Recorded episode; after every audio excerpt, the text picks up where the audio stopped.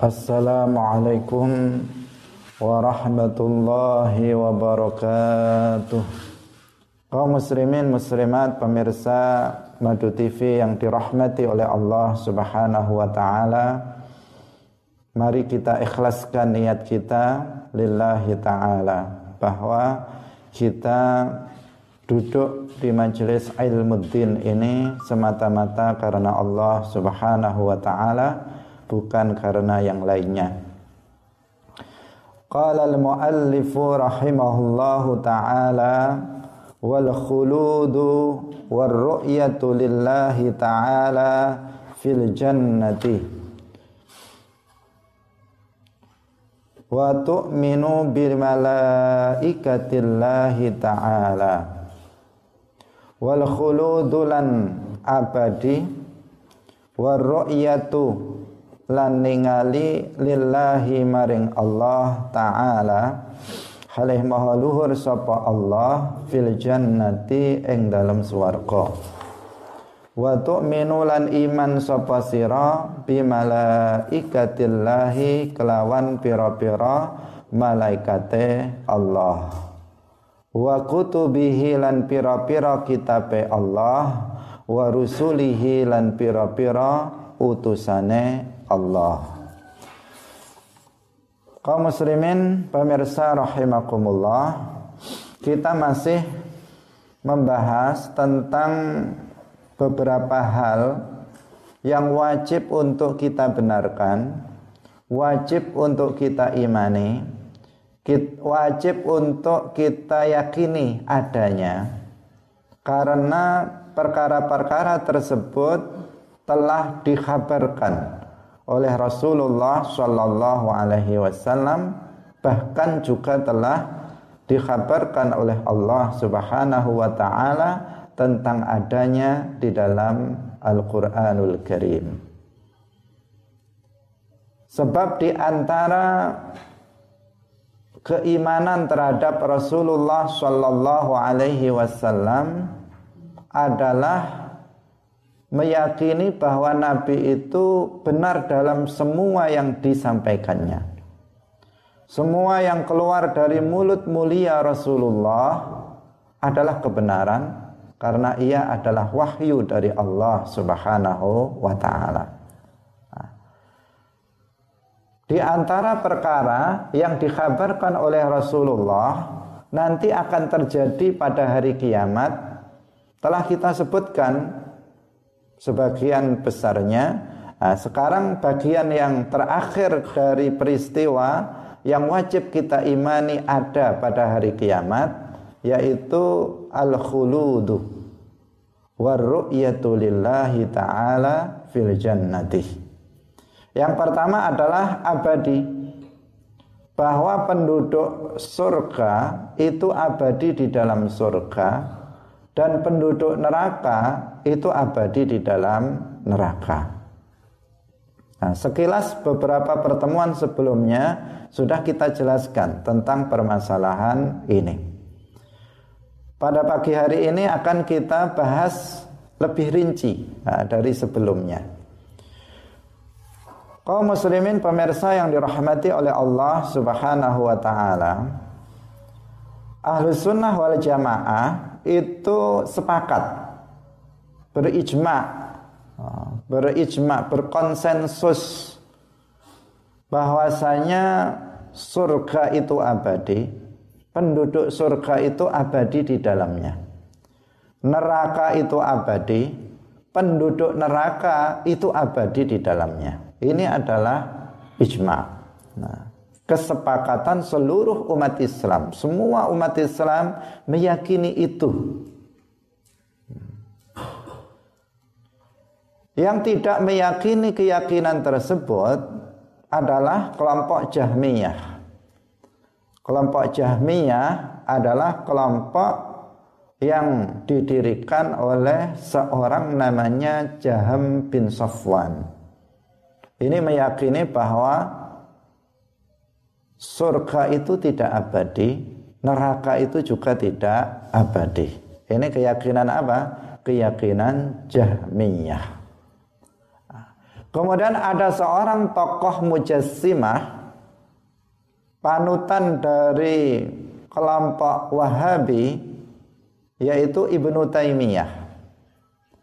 Ini meyakini separuh dari keyakinan Jaham bin Sofwan. Kalau bin Jaham bin Sofwan itu mengatakan neraka dan surga itu akan punah, akan berakhir. Kalau Ibnu Taimiyah itu meyakini hanya neraka yang punah, penduduknya akan keluar dari neraka, sementara apa? Sementara surga itu akan abadi. Ini menurut Ibnu Taimiyah. Pemirsa kaum muslimin rahimakumullah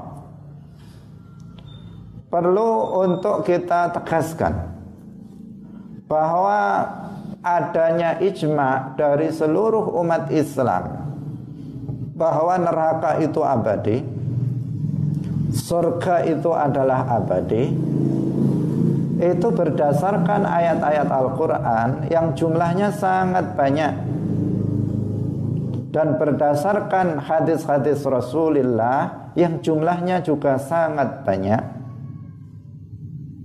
sehingga kemudian muncul apa namanya uh, ijma ini. Nah, karena memang apa? Sudah sorry di dalam Al-Quran menegaskan tentang keabadian surga dan keabadian neraka.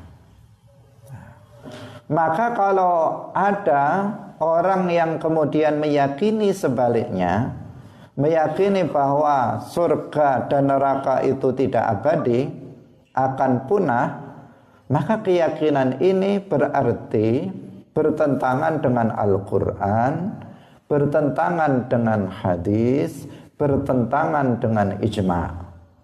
Bertentangan dengan seluruh itu. Maka sama sekali tidak boleh seseorang itu meyakini keyakinan yang mengatakan bahwa surga akan punah atau neraka akan punah atau dua-duanya akan punah itu keyakinan yang batil, keyakinan yang menyimpang dari kebenaran. Nah, di dalam Al-Quran misalnya ada ayat yang menjelaskan tentang keabadian Al-Quran. Allah berfirman, "Walladzina amanu wa 'amilus solihati sanudkhiluhum jannatin tajri min tahtihal anharu khalidina fiha abada." wa'adallahi haqqa wa man asdaqu minallahi qila. Itu di antaranya. Dikatakan di sana apa? Ah, bahwa orang-orang yang beriman dan melakukan amal soleh, maka kami akan masukkan mereka ke dalam surga yang sungai-sungai mengalir di bawahnya.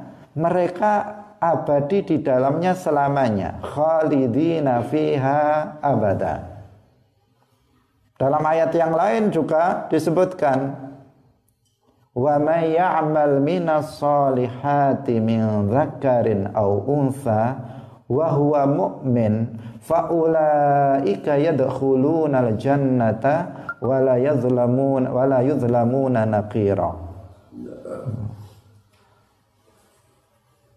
Nah, di sini dalam ayat ini tidak uh, dijelaskan ya secara spesifik tentang keabadian daripada surga. Tetapi dalam ayat yang pertama tadi yang kita sebutkan uh, secara nyata eh, disebutkan di sana khalidina fiha abada bahwa para penduduk surga itu abadi di dalam surga.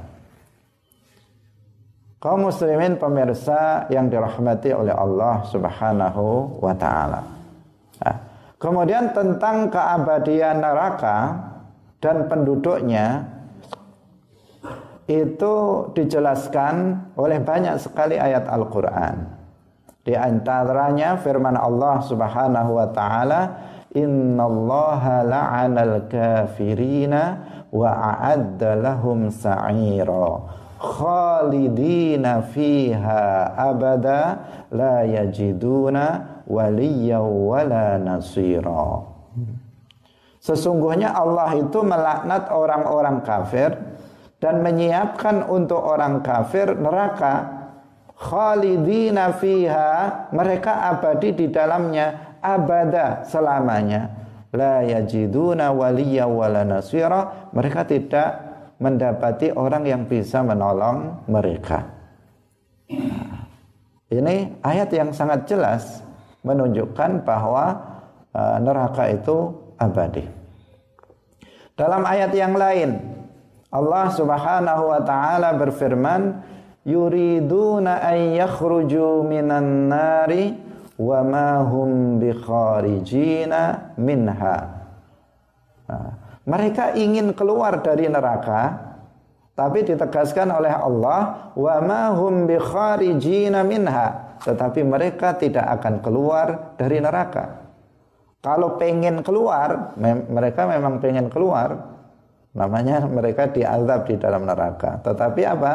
Wa ma hum bikharijina minha. Mereka tidak akan keluar dari neraka. Ditegaskan lagi walahum azabum muqim.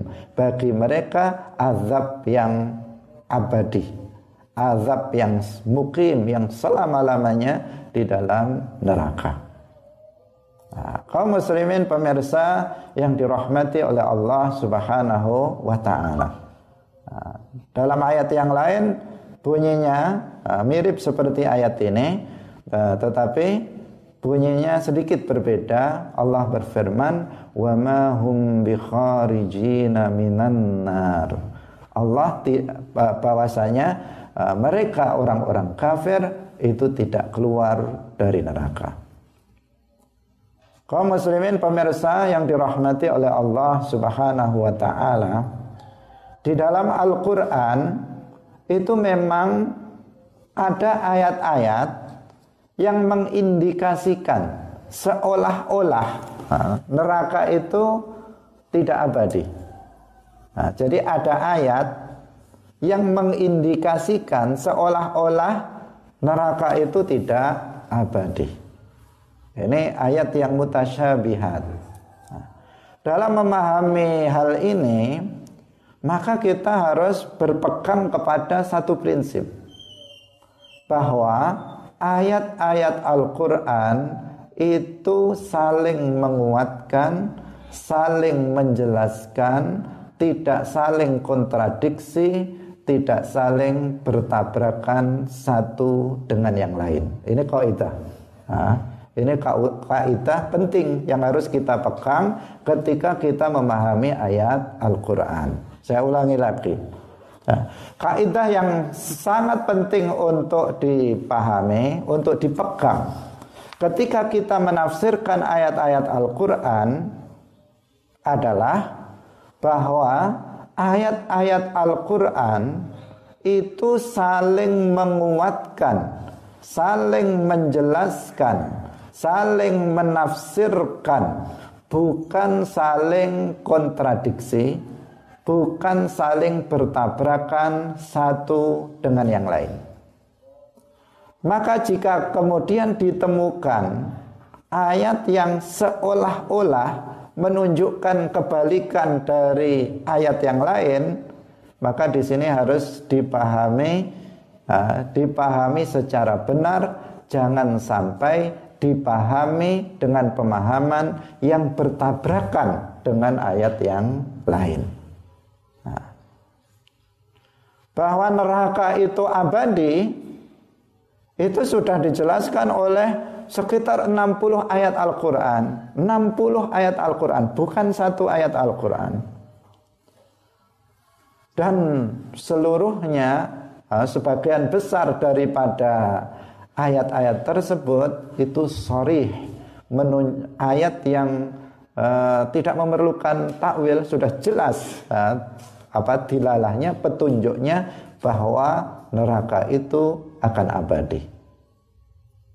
Bahkan juga didukung oleh hadis-hadis Nabi seperti yang sudah pernah kita sampaikan sebelumnya bahwa pada hari kiamat setelah penduduk surga masuk ke dalam surga dan penduduk neraka masuk ke dalam neraka, maka kematian kemudian dirubah wujud menjadi seekor domba kemudian disembelih sebagai simbol bahwa kematian sudah tidak ada lagi. Kematian sudah mati, kematian sudah tidak ada lagi dan diserukan kepada penduduk surga khuludun la maut. Nah, kemudian diserukan kepada penduduk neraka khuludun la maut. Ini juga mendukung ayat sekian banyak ayat sekitar 60 ayat yang menegaskan tentang keabadian surga dan keabadian neraka dan keabadian penduduk neraka. Nah, maka jika kemudian muncul ayat-ayat tertentu yang mengindikasikan seolah-olah ayat itu bertentangan dengan ayat-ayat ini, maka kita harus memahaminya dengan benar dengan merujuk kepada pemahaman para ulama karena ayat-ayat Al-Quran tidak mungkin bertabrakan. Nah, karena ayat Al-Quran tidak mungkin bertabrakan. Kenapa tidak mungkin bertabrakan? Kenapa ayat Al-Quran tidak mungkin kontradiksi satu dengan yang lain? Karena Al-Quran adalah kalamullah. Karena Al-Quran adalah kalamullah, bukan kalamun nas. Al-Quran itu bukan perkataan manusia. Kalau perkataan manusia, maka bisa pagi dele, sore tempe bertabrakan atau pagi tahu, sore tempe atau dele dan sebagainya. Itu bisa. Itu apa namanya? perkataan manusia. Kenapa? Karena manusia dia tidak mengetahui segala sesuatu. Dia tidak mengetahui segala sesuatu. Semakin orang itu bodoh, maka semakin ucapannya sulit dipahami dan sulit dibuat sebagai pegangan. Kenapa? Karena ucapan-ucapannya itu banyak yang kontradiksi satu dengan yang lain. Nah, sebagian nah, terkadang kita mendengarkan ada orang berceramah atau terkadang kita sedang membicara apa namanya mendengarkan teman kita berbicara. Tetapi semakin lama dia bicara, semakin gak paham kita dengan apa yang dia katakan. Semakin dia jelaskan, semakin tidak jelas. Ada orang yang seperti itu. Semakin dia menjelaskan, semakin tidak jelas. Kenapa? Karena ucapan-ucapan depan dan belakang itu tabrakan satu dengan yang lain. Tadi bilang begini, sekarang bilang begini, sehingga yang mendengar itu tidak paham dengan apa yang dikatakannya. Kenapa? Ada kontradiksi, ada kontradiksi. Ada tabrakan-tabrakan dalam ucapan karena kebodohannya. Tetapi jika kita mendengarkan orang yang alim, maka kita akan mengetahui ucapan-ucapannya itu runtut. Satu dengan yang lain tidak saling bertabrakan sehingga mudah untuk dipahami oleh orang yang mendengarnya. Nah, Allah Subhanahu wa taala itu alimun bikulli syai. Allah itu mengetahui segala sesuatu. Tidak ada sesuatu yang tidak diketahui oleh Allah Subhanahu wa taala. Baik yang telah terjadi yang sedang terjadi, yang akan terjadi selamanya, Allah Subhanahu wa taala mengetahuinya secara rinci. Maka tidak mungkin kalam Allah bertabrakan satu dengan yang lain. Nah, kaum muslimin pemirsa yang dirahmati oleh Allah Subhanahu wa taala, di antara ayat yang dijadikan landasan oleh Ibnu Taimiyah panutan kelompok Wahabi untuk mengatakan bahwa neraka itu akan punah. Di antaranya adalah firman Allah Subhanahu wa taala labithina fiha ahqaba. Labithina fiha ahqaba. Mereka orang-orang kafir tinggal di dalam neraka ahqaba. Hmm. Di sini lafat ahqaba itu adalah jamak jamak taksir. Yang mengikuti wazan jamak taksir jam'ul qillah. Nah, jam'ul qillah. Jam'ul qillah itu dalam bahasa Arab ini sekilas saja dalam bahasa Arab itu pada umumnya untuk menunjukkan sesuatu yang bilangannya antara 3 sampai 10 itu namanya jamak qillah. Karena ada mufrad menunjukkan arti satu kemudian apa? Musanna atau tasniyah menunjukkan arti dua. Nah, kemudian ada yang menunjukkan arti banyak namanya jamak. Nah, lah jamak itu ada jam'ul qillah ada jam'ul kasrah nah, Jam'ul qillah itu yang menunjukkan bilangan antara 3 sampai 10. Umumnya seperti itu.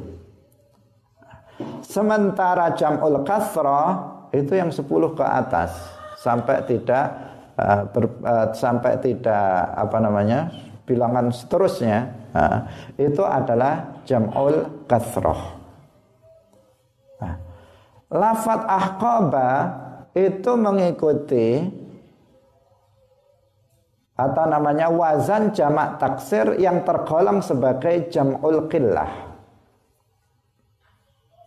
Yang maknanya itu antara 3 sampai 10 pada umumnya seperti itu.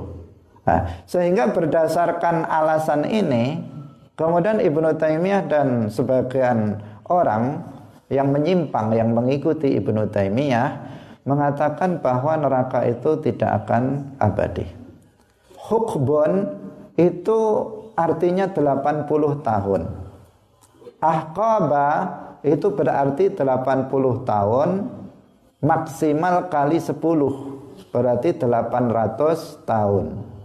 80 tahun selesai tambah 80 tahun lagi selesai tambah 80 tahun lagi selesai tambah 80 tahun lagi selesai tambah 80 tahun lagi sampai 10 karena jam'ul qillah. Sehingga menurut Ibnu Taimiyah neraka itu umurnya 80 tahun kali 10 berarti 800 tahun saja. Setelah itu neraka itu akan punah. Ini menurut siapa Ibnu Taimiyah berdasarkan ayat ini. Nah, Bagaimana kita menjawab? Pertama, Al-Quran tidak mungkin saling bertabrakan. Yang tadi sudah jelas mengatakan khalidina fiha abada wa ma hum minha. Sudah jelas. Hadis sudah menegaskan khuludun la maut khuludun la maut. Sudah jelas maka kemudian kok ditemukan ayat semacam ini labithina fiha ahqaba. Kita katakan Al-Quran gak mungkin saling bertabrakan. Kita lihat bagaimana para ulama menafsirkan ayat ini. Nah, ternyata para ulama menafsirkan ayat ini bahwa ahqaba meskipun sirahnya bentuknya itu adalah jam'ul qillah tetapi dalam masalah ini itu maknanya adalah jam'ul kasroh.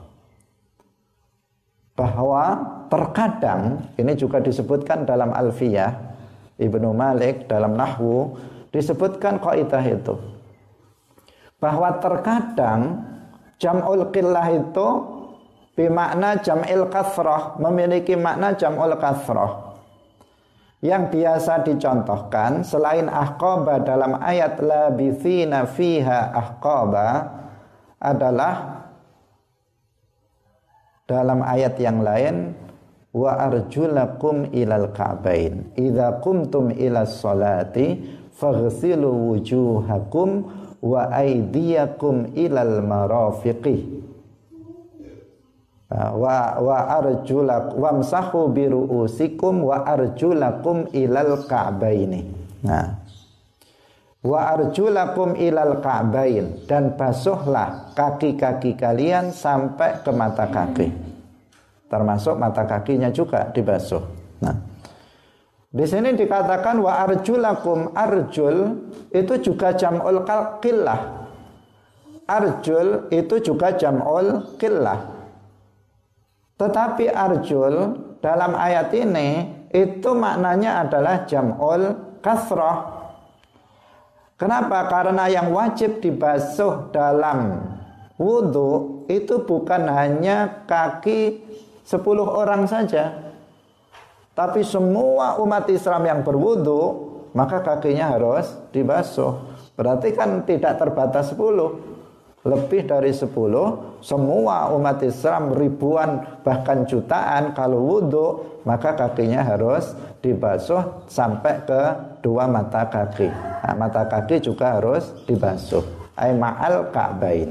Nah, berarti arjul di sini meskipun sigatnya itu adalah jam'ul qillah tetapi maknanya adalah jam'ul kasroh Nah, demikian juga lafat ahqaba dalam ayat labithina fiha ahqaba di sini juga maknanya adalah jam'ul kasroh. Nah, menunjukkan arti lebih dari 10 sampai ke atas. Nah, labithina fiha ahqaba artinya bahwa orang-orang kafir itu akan berada di dalam neraka hukban ba'da hukbin. Artinya 80 tahun 80 tahun 80 tahun 80 tahun 80 tahun sampai tidak ada akhirnya nah, selaras dengan ayat khalidina fiha ahqa eh, khalidina fiha abada wa ma hum bi kharijina minan nar. Selaras dengan ayat tersebut kaum muslimin pemirsa yang dirahmati oleh Allah Subhanahu wa taala. Nah, ini penting sekali untuk ditegaskan karena uh, kalau tidak uh, seseorang itu kemudian apa namanya ngawur di dalam memahami Al-Qur'an. Yang sangat penting untuk kita pegangi adalah bahwa kita ini bukan seorang mufassir. Ini sebagai tambahan wawasan. Bahwa kita ini bukan seorang mufassir, bukan seorang ahli tafsir. Karena mufassir itu ada syarat-syaratnya yang kita tidak bisa memenuhinya. Ah. Bukan berarti kita semuanya tidak bisa memenuhinya, tetapi faktanya sekarang kita belum bisa memenuhi ketentuan-ketentuan itu. Seorang mufasir itu dia harus menguasai banyak uh, banyak ilmu. Misalnya bahasa Arab harus mendalam, bukan hanya tahunya cuman masmuka kaifahaluka uh, misalnya, cuman seperti itu. Tetapi bahasa Arab itu meliputi mufradat, meliputi nahwu, meliputi saraf, meliputi balaghah yang terdiri dari bayan, ma'ani, badi misalnya. Dan masih banyak yang lain. Selain, selain mufradat, satu satu kosakata dalam bahasa Arab saja itu bisa memiliki sangat banyak makna. Satu kata dalam bahasa Arab bisa memiliki 15 makna. Bisa memiliki berapa? 50 makna, satu kata saja. Kalau kita cuma tahunya satu makna, bagaimana kemudian kita menafsirkan Al-Quran? Sementara satu, satu kata dalam bahasa Arab bisa mengandung lebih dari 15 makna. Seperti kata istawa misalnya. Itu 15 arti. Orang Arab mengatakan istawa al-qamar itu beda dengan orang Arab mengatakan istawat al-faqihah. Sama-sama istawanya, tapi maknanya berbeda. Itu satu contoh. Itu masih bahasa Arab. Belum lagi kita harus tahu asbabun nuzul. Belum lagi kita harus tahu hadis, mustalah, asbabul wurud. Karena hadis menjelaskan Al-Quran, maka kita harus hafal ratusan ribu hadis untuk bisa memahami Al-Quran. Belum lagi ilmu nasikh wal mansuh, belum lagi tentang al-am wal khas, belum lagi tentang al-mutlaq wal muqayyad. Intinya kita bukan mufassir. Nah, intinya kita bukan ahli tafsir. Nah, karena kita menyadari bahwa diri kita bukan ahli tafsir, maka jangan menafsirkan. Itu itu maksud saya. Karena kita ini bukan mufassir, maka jangan menafsirkan Al-Qur'an. Jadi bagaimana kita memahami Al-Quran? Ikuti para ulama ahli tafsir. Karena kita tidak bisa menafsirkan, maka ikutilah para ulama ahli tafsir. Nah, banyak sekali penyimpangan itu terjadi penyimpangan dalam penafsiran Al-Quran itu karena orang yang bukan mufassir menafsirkan Al-Quran. Dia hanya beli terjemahan Al-Quran di pasar, beli di toko, kemudian dipahami sendiri, ditafsirkan sendiri. Ini adalah uh, masalah besar yang kemudian akan mengacaukan pemahaman dan kemudian apa namanya merusak kemurnian ajaran Islam uh, karena orang-orang yang semacam ini. Nah. Kaum muslimin pemirsa Madu TV yang dirahmati oleh Allah Subhanahu wa taala. Nah, maka ketika kita melihat ada sebagian ayat Al-Qur'an kok seakan-akan itu menunjukkan dalam tema yang kita bahas menunjukkan neraka itu tidak abadi seperti ayat yang tadi kita baca la bithina fiha ahqaba Nah ini nanti kalau ditafsirkan secara zahir maka akan tabrakan dengan puluhan ayat dan ini nggak nggak bisa seperti itu. Maka kita harus merujuk kepada penafsiran para ulama. Bagaimana para ulama menafsirkannya?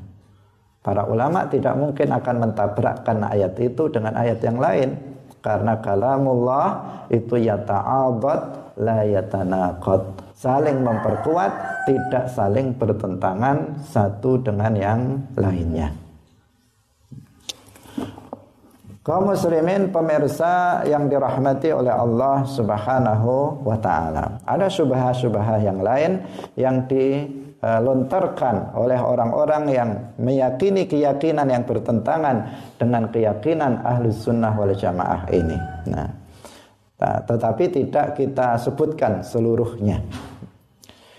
Yang penting yang harus kita pegangi di sini adalah bahwa wajib kita meyakini bahwa neraka itu abadi, penduduknya orang-orang kafir abadi di dalam neraka. Surga itu abadi dan penduduknya itu juga abadi di dalam di dalam di dalamnya. Nah. Salah satu hal penting yang ini menggunakan logika yang kemudian seseorang terseret untuk menentang Al-Quran adalah pemikiran mereka. Loh, kalau dikatakan surga itu abadi, neraka itu abadi, berarti sama dengan Allah dong. Padahal Allah kan nggak serupa dengan makhluknya. Ada pemikiran seperti ini sehingga kemudian dia mengatakan neraka itu nggak abadi. Padahal Al-Quran mengatakan abadi, dia bilang karena nggak pahamnya dia, dia mengatakan apa neraka itu tidak abadi karena apa? Berdasarkan pikiran pendek dia, pemikiran yang cekak dia bahwa uh, Allah nggak serupa dengan makhluk. Kalau dikatakan surga itu abadi, neraka itu abadi berarti sama dengan Allah, sama-sama abadinya. Nah, ini tidak benar. Nah, keabadian Allah itu berbeda dengan keabadian surga dan neraka. Apa bedanya antara abadinya Allah dengan abadinya surga dan neraka? abadinya Allah itu zatiyun. Abadinya Allah itu zatiyun. Artinya dari segi zat memang abadi. Zat Allah itu dari segi zat itu abadi. Tidak ada yang menjadikan Allah itu abadi. Itu maknanya. Saya ulangi lagi, keabadian Allah itu zatiyun. Artinya dari segi zat Allah itu abadi.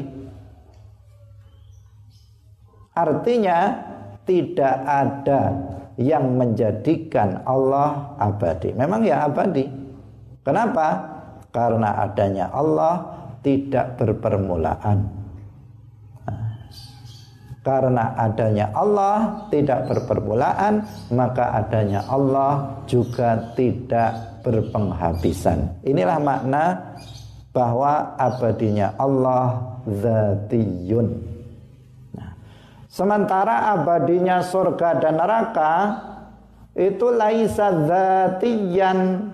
Nah, keabadian surga dan neraka itu tidak zati, tidak dari sisi zatnya. Kenapa?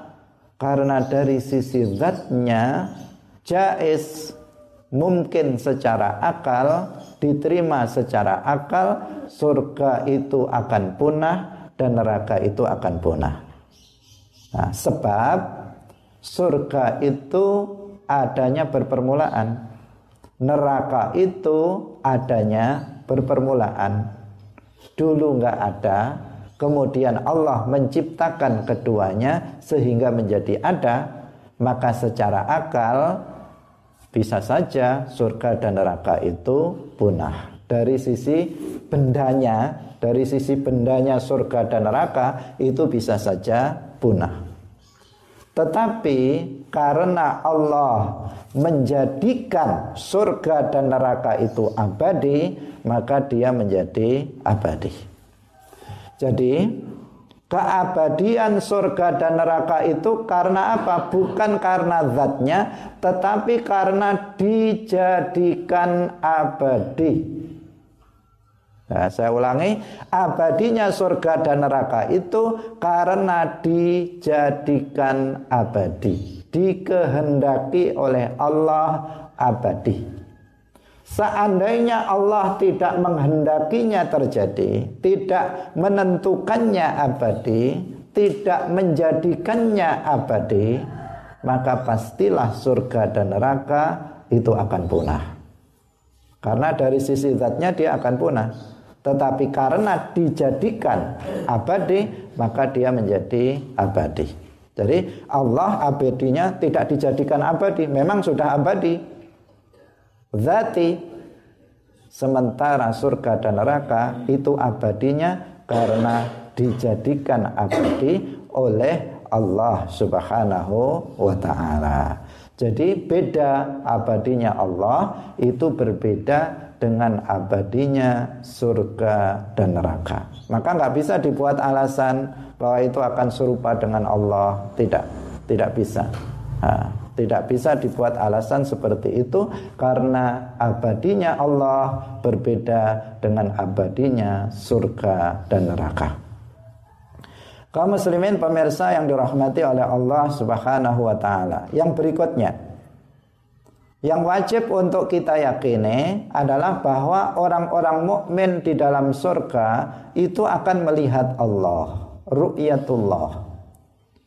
Ru'yatullah melihat Allah dengan mata adalah a'zamu ni'ami ahlil jannah. Kenikmatan penduduk surga yang paling besar itu adalah melihat Allah tidak ada kenikmatan yang mengungguli kenikmatan ketika penduduk surga melihat zat Allah Subhanahu wa taala.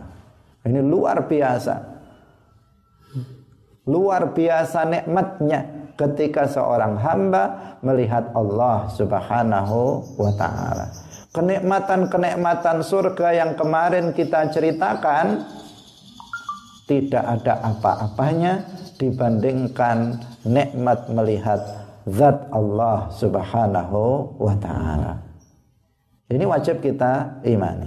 Kenapa? Karena telah disebutkan di dalam Al-Qur'an.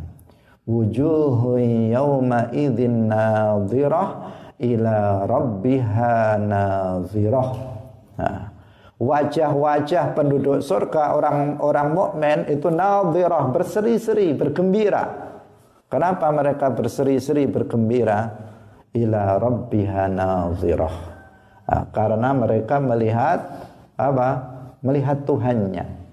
Nah, ini adalah dalil dari Al-Qur'an bahwa Allah itu dilihat nanti di akhirat.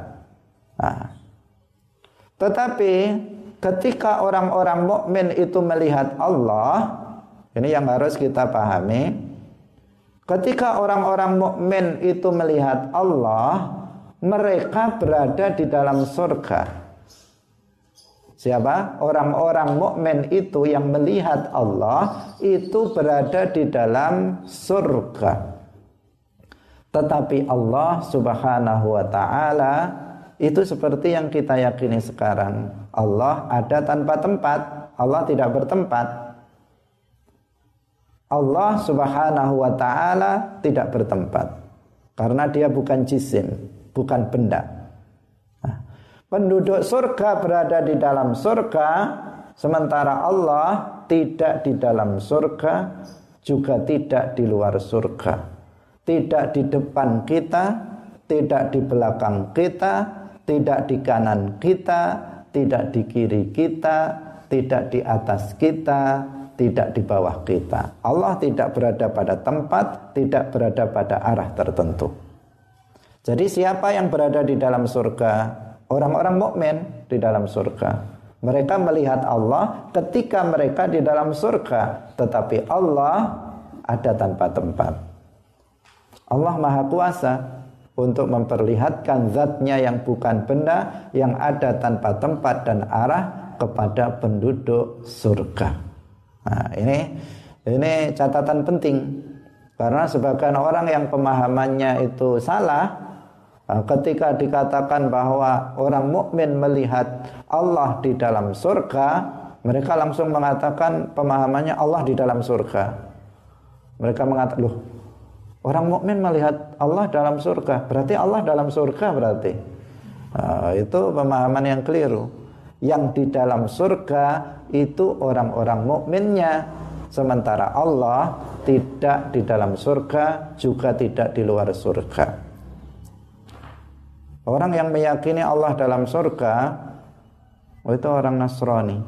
Mengatakan mereka mengatakan uh, Bapak yang ada di dalam surga.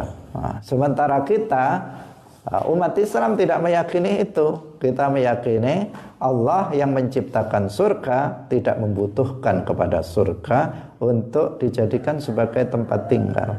Sebagaimana Allah tidak membutuhkan kepada langit, tidak membutuhkan kepada aras sebagai tempat tinggalnya karena Allah ada sebelum terciptanya langit, surga, uh, aras dan tempat-tempat yang lainnya. Ini catatan penting bagi kita. Nah, dalam hadis disebutkan uh, Innakum satarawna rabbakum kama tarawna hadzal qamara la tudammuna fi ru'yatihi. Nah, kalian akan melihat Tuhan kalian sebagaimana kalian melihat bulan ini kalian tidak akan berdesakan dalam melihatnya. Nah, jadi kalian akan melihat Tuhan kalian. Nah, sangat jelas di dalam hadis ini, dalam hadis ini riwayat Al Bukhari bahwa kalian itu akan melihat Allah dengan mata, nah, dengan mata yang abadi di dalam surga.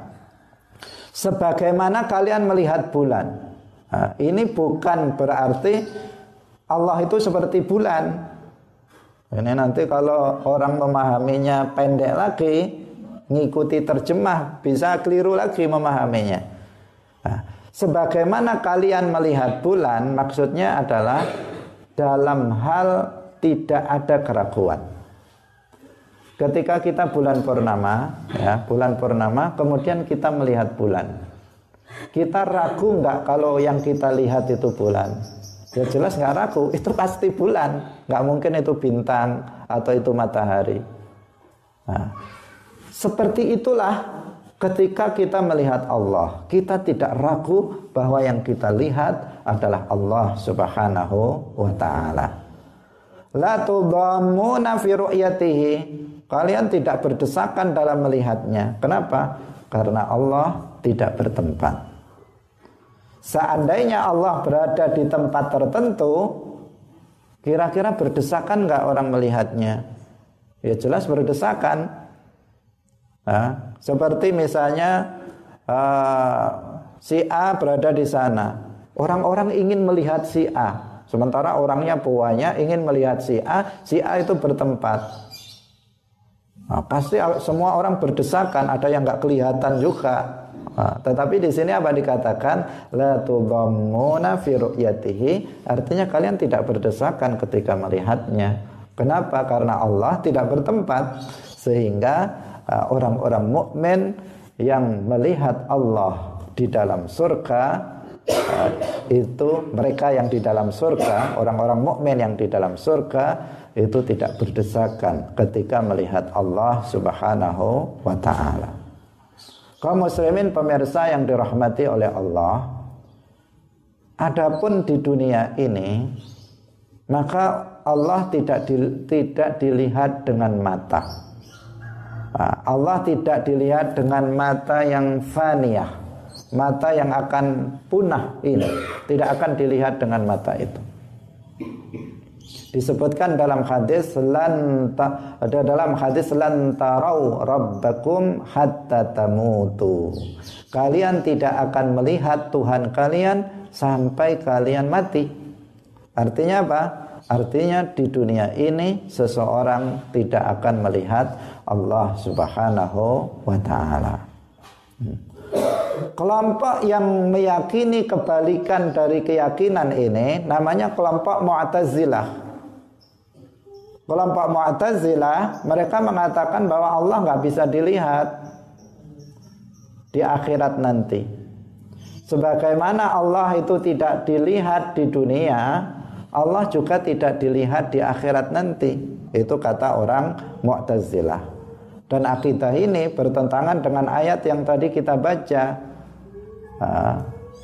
Wujuhu yawma idzin nadhirah ila rabbiha nadhirah. Bertentangan dengan ayat ini secara jelas. Nah. Kaum muslimin pemirsa rahimakumullah. Lagi-lagi ada ayat yang lain yang ini sebagai, sebagai, apa, sebagai ujian bagi manusia. Allah menurunkan ayat-ayat Al-Quran, ada yang muhkamat, ada yang mutasyabihat. Sebagai ujian bagi kita uh, apakah kita beriman kepada ayat-ayat itu atau tidak. Uh, apakah kita memahaminya dengan benar atau tidak. Ada ayat ketika Nabi Musa ingin melihat zat Allah, ingin diperlihatkan zat Allah, kemudian Allah berfirman lantaroni yang artinya kalian tidak akan kamu tidak akan melihatku. Nah, sebagian orang salah memahami ayat ini. Nah, ini ayatnya sudah jelas, lantaroni. Kamu tidak akan melihatku. Berarti nggak bisa dilihat tuh. Nah, ini lagi-lagi apa? Bisa menabrakkan ayat dengan ayat yang lain. Maka di sini kita harus melihat bagaimana para ulama menafsirkan ayat ini. Ternyata apa? Lantarani fid dunya. Kali kamu tidak akan melihatku di dunia ini. Nabi Musa ingin diperlihatkan zat Allah setelah beliau diperdengarkan kalam Allah yang bukan bahasa, bukan huruf dan bukan suara, beliau ingin juga melihat zat Allah. Tetapi kemudian dijawab apa? Lantarani, kamu tidak akan melihatku. Artinya apa? Kamu tidak akan melihatku fit dunia di dunia. Karena Allah tidak dilihat di dunia tetapi dilihat nanti di akhirat. Nah, jangan dipahami secara apa namanya? Eh, secara kontradiktif dengan ayat yang lain. Kaum muslimin pemirsa yang dirahmati oleh Allah Subhanahu wa taala. Nah, ini yang kita sampaikan pada pagi hari ini. Nah, uh, sebenarnya kalau kita mengulas uh, secara rinci tentang dua permasalahan ini menjelaskan satu demi satu makna-makna sebagian ayat yang mutasyabihat yang seakan-akan kemudian uh, di kemudian menunjukkan sebaliknya dari keyakinan ahlus sunnah wal jamaah maka ini akan sangat panjang. Tetapi yang harus kita pedomani dalam memahami ayat Al-Quran adalah satu ayat Al-Quran tidak saling bertentangan dua orang yang bisa menafsirkan adalah mufassir yang telah artinya yang telah memenuhi syarat-syarat sebagai mufassir. Kita yang tidak mengetahui atau tidak memenuhi syarat-syarat sebagai seorang mufassir, jika ingin selamat maka ikutilah para ulama dalam menafsirkan Al-Qur'an. Itu uh, kunci agar kita selamat. Uh, jika tidak seseorang kemudian menggunakan akal pikirannya untuk memahami Al-Qur'an, tanpa merujuk kepada pemahaman para ulama tafsir, para ulama mujtahidin, maka dia bisa sesat dan bisa menyesatkan orang lain. Nah, pemirsa yang dirahmati oleh Allah, ini yang bisa kita sampaikan. Semoga bermanfaat bagi kita semuanya uh, untuk memperteguh keimanan kita yang berdasarkan akidah ahlus sunnah wal jamaah. Insya Allah besok kita akan lanjutkan tentang iman terhadap para malaikat. Uh, بارك الله فيكم. والله الموفق إلى أقوم الطريق. والسلام عليكم ورحمة الله وبركاته.